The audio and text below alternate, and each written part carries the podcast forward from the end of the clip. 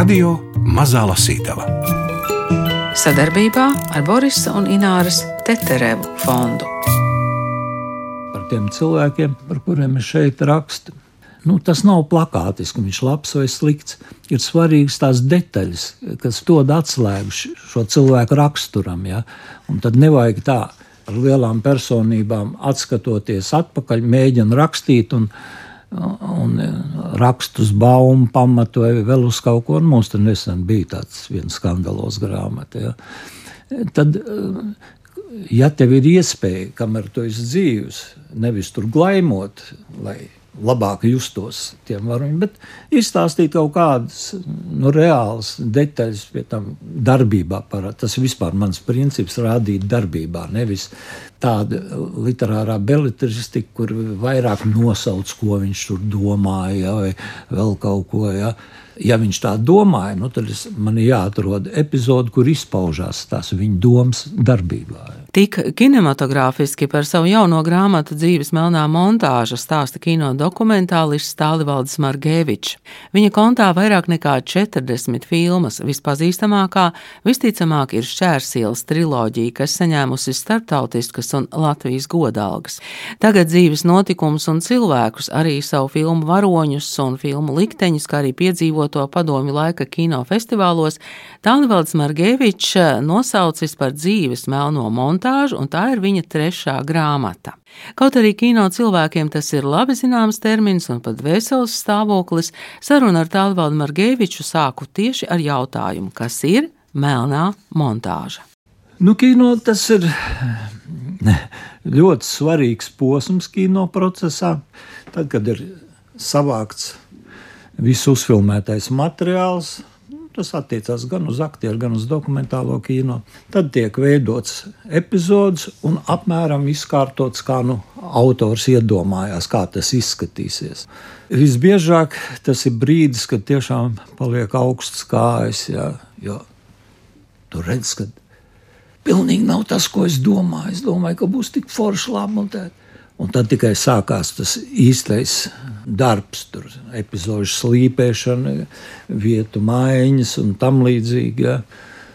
Nu, šeit arī nav visas dzīves stāsts. Te ir atsevišķi novēles stāsts, esejas, kurus es saliku kopā, izlasīju. Neteikt, ka es būtu apmierināts, bet nu, ar lielām šaubām palaidu tautā. Un tajā brīdī, kad šī grāmata nonāk pie lasītāja, nu, tā ir gatava jau. Tā vairs nav melnā montāža. Nu, tad uh, katrs lasītājs uh, var veidot savu montāžu atkal. Jā, ne? protams.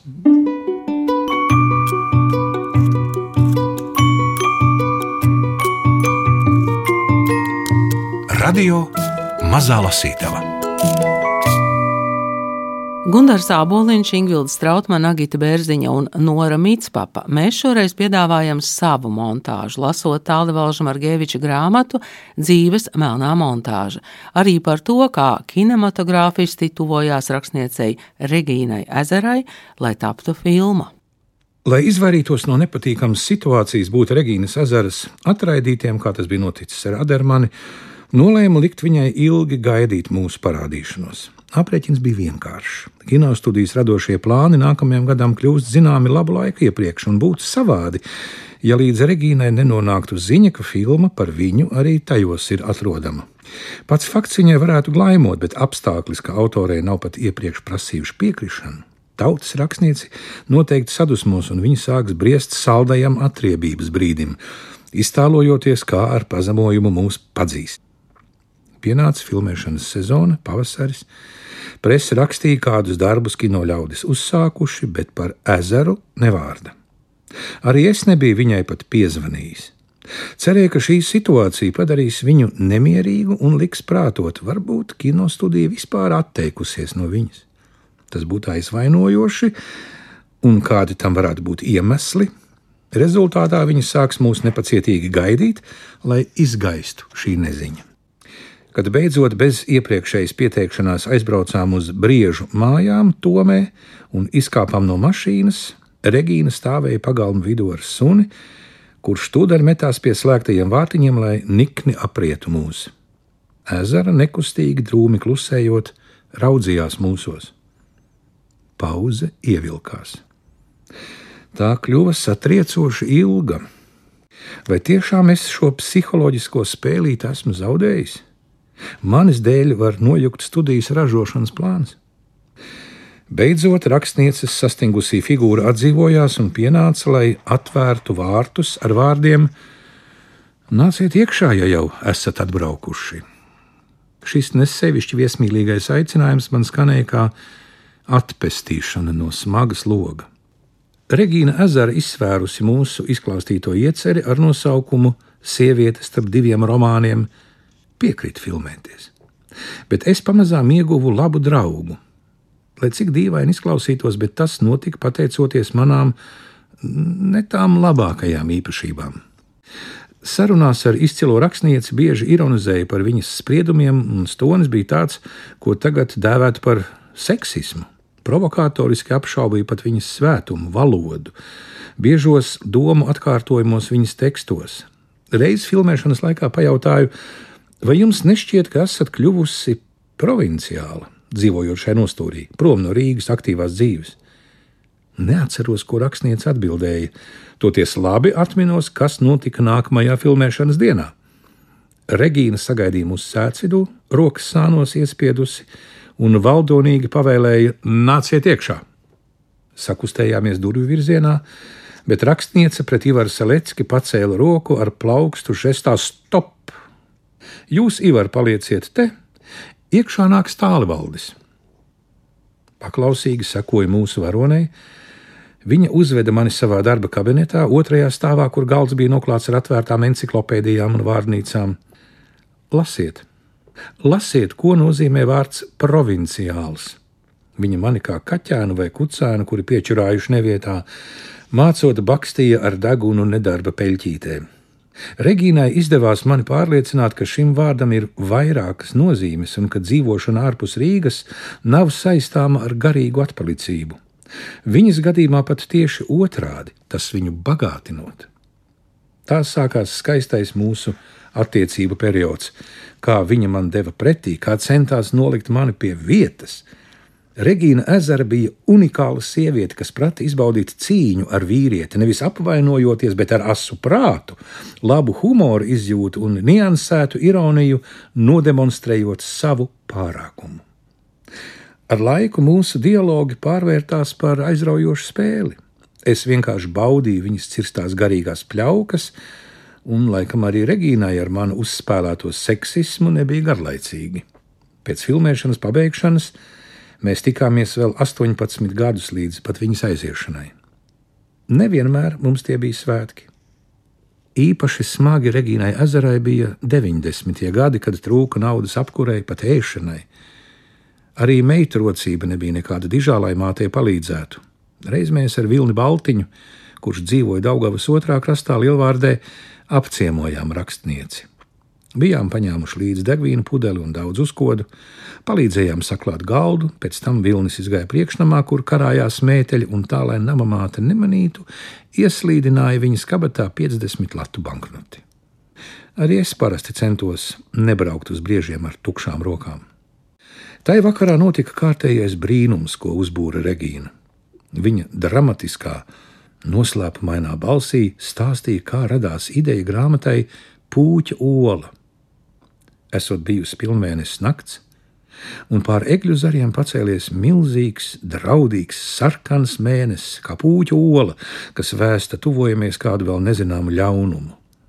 Regīna ar plašiem un vīgiem roku žestiem apvilka šī mistiskā debesu spīdekļa kontūras, un plaši ieplastās brūnās acis pacēla uz augšu, it kā pret debesīm, kur šobrīd valda suģistējošais zemes pavadonis.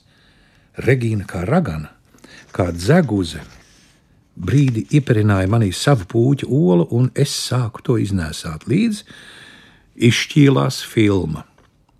Pamatam izvēlējos sātanisko stāstu, ieviešot scenārijā jaunu tēlu autori, kas obligāti būtu jāspēlē Reginai pašai. Viņu kā stāstnieci nevar pārspēt neviens aktieris. Tā bija 90. gada pirmā puse, kad sadabūt naudu filmēšanai bija grūti. Visa radošā grupa piekrita strādāt par simbolisku samaksu arī galveno lomu spēlētāji Ināras Lutska un Normons Laizāns. Tikpat atsaucīgs bija komponists Pēteris Vasks. Mūsu vienīgais transporta līdzeklis bija Romalda Pipara pagalam sagrabējušais busiņš ar stūri labajā pusē, bet uz filmēšanas beigām mums vairs nebija pat naudas degvielai. Gatavojāmies filmēt vienu no pēdējām un arī svarīgākajām epizodēm ezers stāstu par pilnu mēnesi. Iepriekšējā dienā māksliniece Ieva Romanova sagatavoja rakstnieces darbistabu filmēšanai, bet, kad ieradāmies nākamajā rītā, Regīna visas dekorācijas bija nopostījusi. Pats trakākais - viņa bija manām ierēbusi.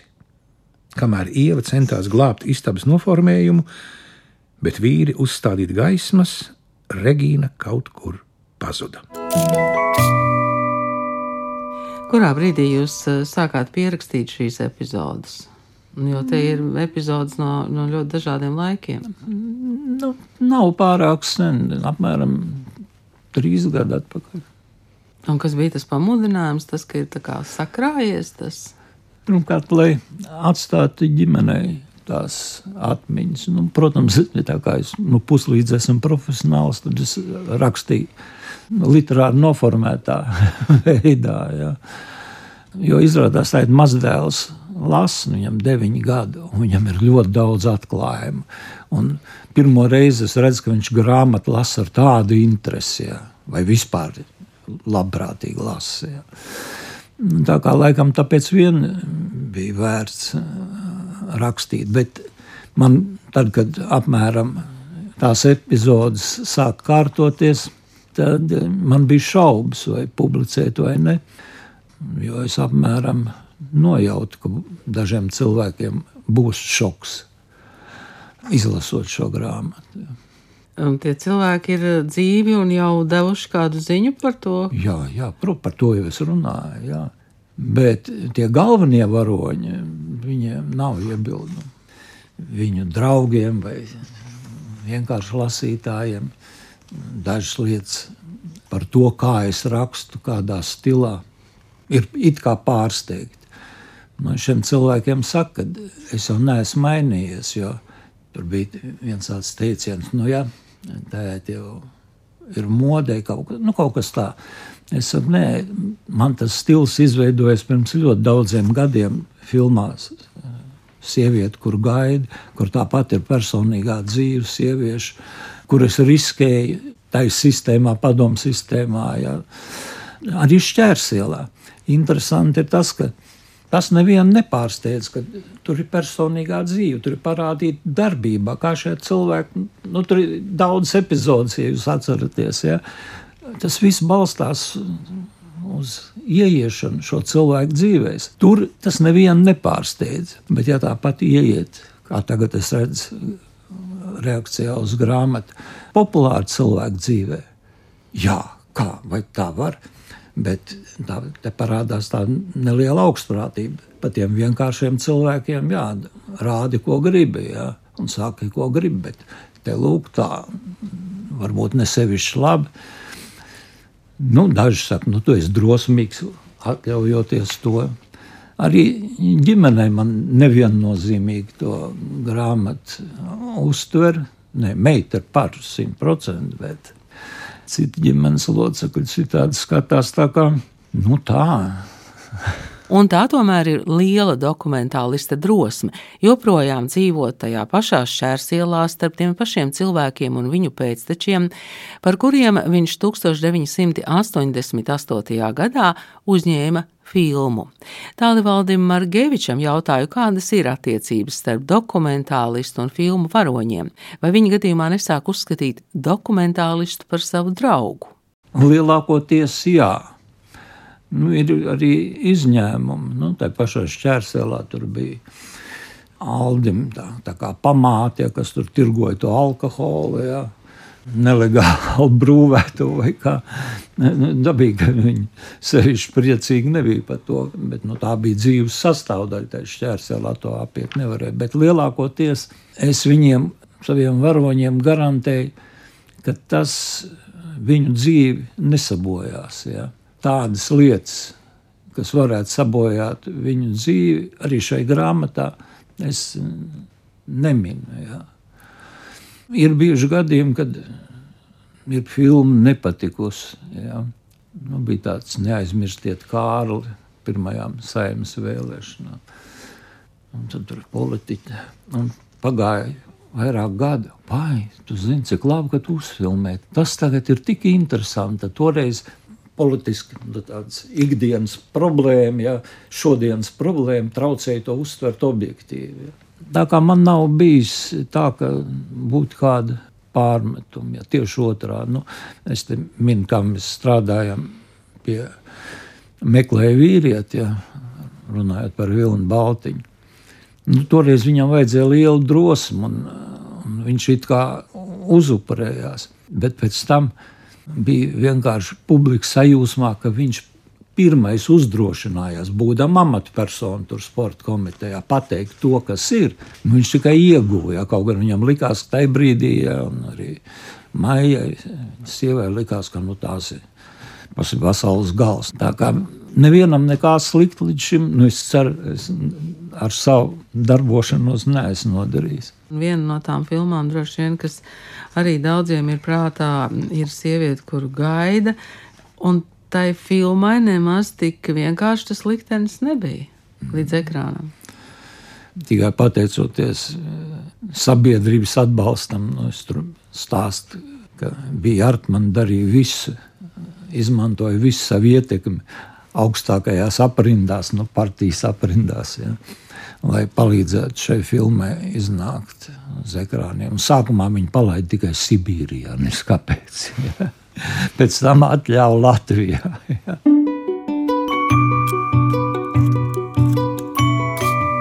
Vairākus mēnešus ilgā filmēšana ritēja labā noskaņojumā, bez īpašiem šķēršļiem un negadījumiem.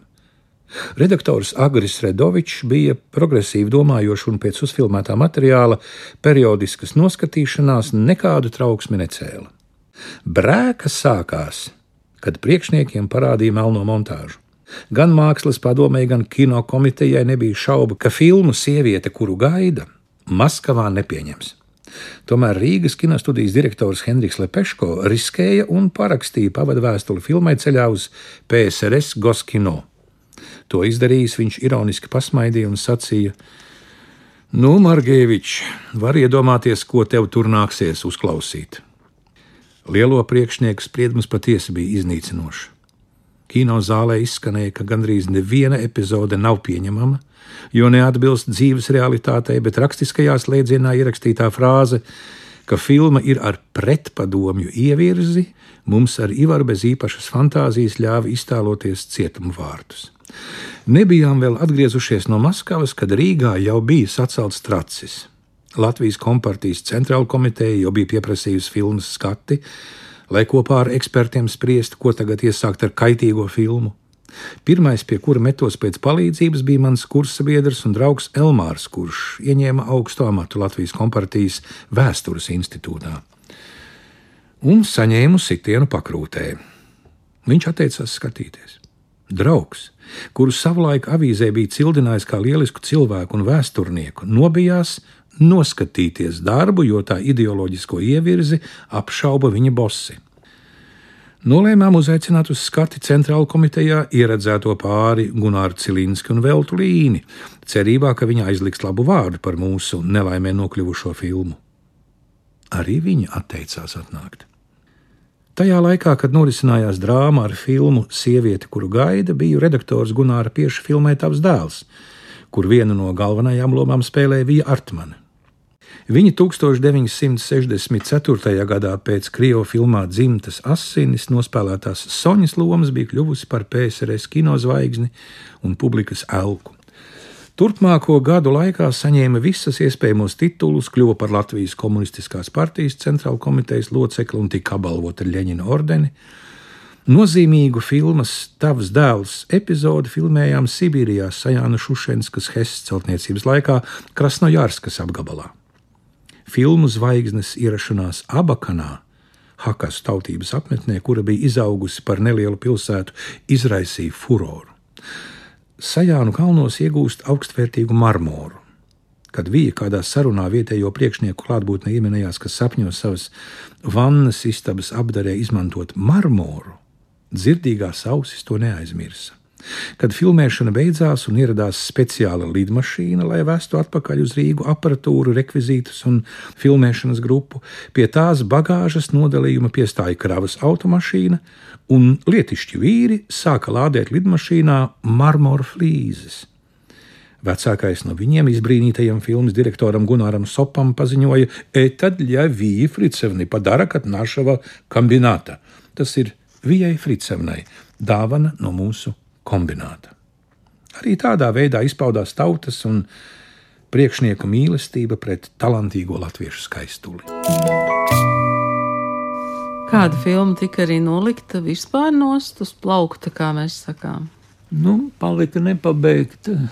Un to es arī tur pieminu. Filmu, bet jau neatkarīgās Latvijas laikā arī Derča Roma kā varoni bija paredzēta Elīna Garanča, ja, arī manas meitas stāsts. Ja, nu, tā arī ir tāda sociāla ievirza, kā mēs ieejam Eiropas Savienībā un kā mūs tur uztver. Vēl līdz šai dienai mūs nemaz tik viennozīmīgi neuztver. Ja. Bet tur bija, jo mums bija lielas ilūzijas, kā mūs tur gaida un cik skaisti tas viss būs. Uh, nu, par tādām lietām, bet tā kā pārtrauc tās filmas finansēšanu, kad filma vēl tur tikai tapa, tur bija jau uzbrukumi tai filmai, nu, tad mēs uztaisījām atsevišķu filmu par Elīnu Garaņšu, un nu, vēlāk tur arī kapitālismā šķērsielu tur redzam. Tikpat privāti mana meita, ja, tā kā nekas jauns jau tai stilistikā šai grāmatā nav. Šai ziņā es neesmu mainījies. Tikai nezinu, kāpēc to grāmatā uztver daudz asāk nekā kino. Kaut gan es arī par to runāju tajā grāmatā, ka tur pats attēls ir pierādījums. Jā. Katrs var iedomāties un uztvert, kā grib. Lielāk. Nevienmēr iedomājās to labāko. Jūs esat eh, diezgan daudz braucis arī pa kino festivāliem un saticis tur ļoti dažādus uh, cilvēkus. Nu, kā tajos padomu laikos, kā uztvēra um, jūs, kā, um, kā krievu? Kā krievu, jā? Jā, nu, protams. Nu, padomu sen, nu, kas padoms ir Krievija. Nu. Tur, tur bija jāskaidro. Nu, Latvijas un ir tāda Latvija. Nu, nezinu. Tur ir epizode, kā mēs ar Cilīnsku esam Spānijā. Ja. Katalonijā zināja. Ja. Zināja Latviju, viņi jūt mums līdzi. Ja. Viņi saskatīja kaut kādu likteņa kopumu. Un vēlreiz mēs ar Maskavas kinematogrāfijas delegāciju bijām Grieķijā, kultūras braucienā. Un tur par pārsteigumu es arī satiku grieķus, kas zināja Latviju. Kas zināja, ka līdz Otram pasaules karam bija tāds nu, - jau pavecāks vīrs, tur vēl tur daži. Tā kā tā, nu, tā jau zina, cita lieta, kā izturās. Nu, par to es arī rakstu. Viena lieta, ka es pārstāvēju tur sešus gadus ja, Vāciju ar teātru izrādēm. Un kāda attieksme ir? Un kāda, ka tu tur nu, vienkārši esi no Latvijas, kino festivālā. À, tur ir kādas lielas valsts pārstāvji, tev paiet garām. neredz. Tā kā, nu, protams, es grauju dažas ilūzijas ja, ar tiem darbiem, ko esmu taisījis. Bet, nu.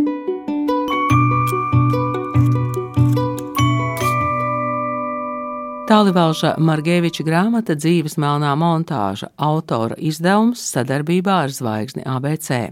Mūsu klausītājiem raidierakstos un interneta arhīvā vēl epizode par filmu festivālu Dušanbē 1980. gadā un par partijas funkcionāriem, kuriem tolaik un tur daudzsievība joprojām bija ierasta privilēģija. Tas notika agrā 1980. gada pavasarī. Kārtējais Vissavienības kinofestivāls tika atklāts viena kilometra augstumā virs jūras līmeņa Taģikijas galvaspilsētā Dušanbē. Konkursa skatē piedalījās Gunāra Celinska režisētā filma Agrā Rūsa, kur galvenajās lomās bija Oļģerts Dunkers un lietuviešu aktrise Rimanta Krilavičūte un Laimas Žurginas dokumentālā filma Imants Ziedonis portrets locījumos. Kādu rītu iznāca no sava viesnīcas numura un gaiteņa galā ieraudzīja pie manis nākamu Gunāru Cilinski. Dīvaini, viņš acīm redzami streipuļoja, brīžiem plati ieplet kājas, lai noturētu līdzsvaru, citkārt balstījās pret sienām. Kad spēru pirmos soļus viņam pretī, arī man grīda zem kājām sāk līgoties. Sapratu, ka šūpojas visa deviņu stāvu viesnīca. Nebija šauba, bija sākusies zemestrīce. Satevāmies rokās un viens otru balstīdami steidzāmies lejā pa trepēm, kur jau bariņš ļaužu dipināja mums pa priekšu, jo lifti nedarbojās.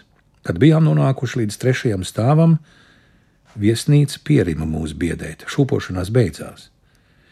Kāpņu telpā sāk skanēt skaļi komentāri par notikušo, un pat smiekli, jo izbīlis bija īss. Tobrīd mēs ar Gunāru vēl nezinājām, ka īstās bailes, pat panika mūs vēl tikai gaida. Festivāls bija piedzīvojumiem bagāts.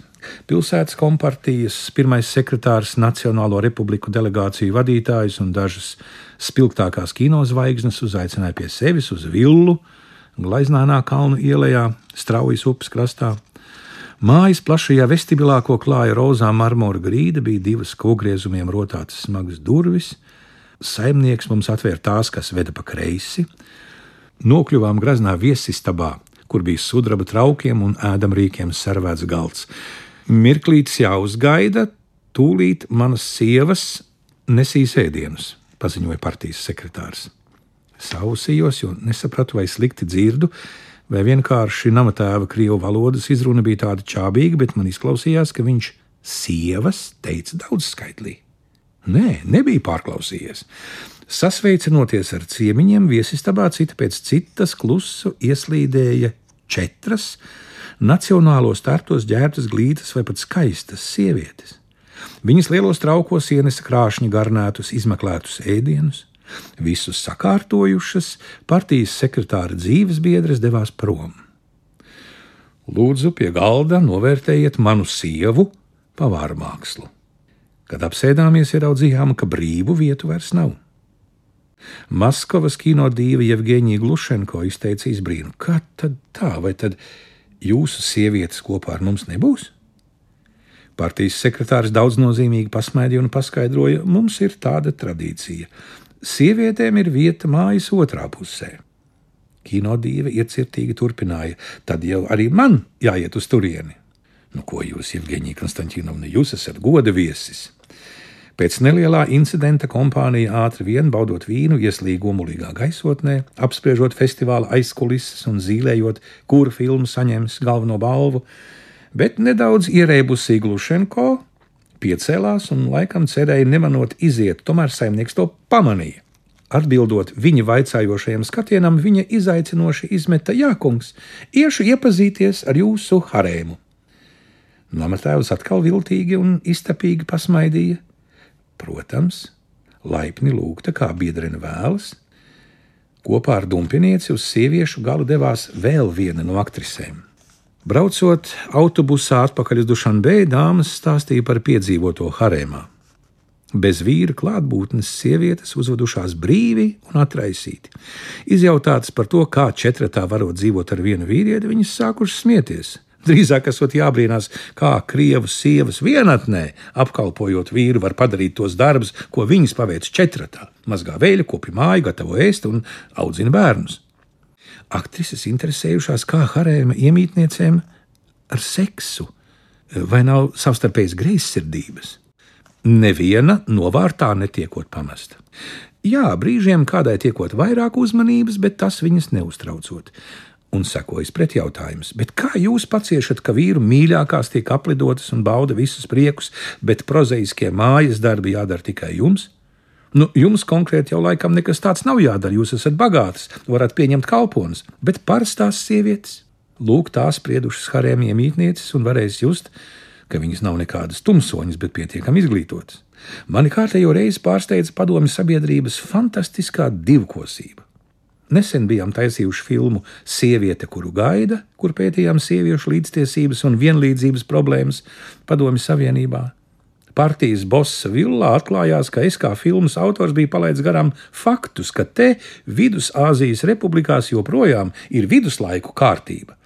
Tikai beju tituli ir aizstāti ar partijas sekretāru rangiem. Grāmata noslēdzas ar datumu 2022. gada 13. oktobrī. Jā. Un jūs rakstāt, ka 13 ir um, laimīgais skaitlis bez māžošanās. Nu, tiešām punkts, vai varētu būt, ka ir vēl kāda melnā montāža vai turpinājums? Nu, to es šobrīd nezinu. Jā. Tas tāpat kā pēc grāmatas šķērsēl 13 par Eduardu Bērziņu. Es nezināju, kāda būs nākošā, bet faktiski tā grāmata dzemdēja nākošo man lasītāju, kas tur patika. Tā grāmata piedāvāja interesantas piezīmes, jā, un, un es kā profesionāls nevarēju atteikties. Jā. Jo, kā es saku, nu, kāpēc vispār kādi ir tev motīvi, kāpēc tu raksti? Ne jau tāpēc, lai nopelnītu, bet tāpēc, ka es uzdodu sev jautājumu, ja es neuzrakstīšu, vai kāds cits to uzrakstīs. Un, ja arī atbild, ka es zinu, ka neviens cits to neuzrakstīs, nu, tad es ņemu un rakstu. Jā.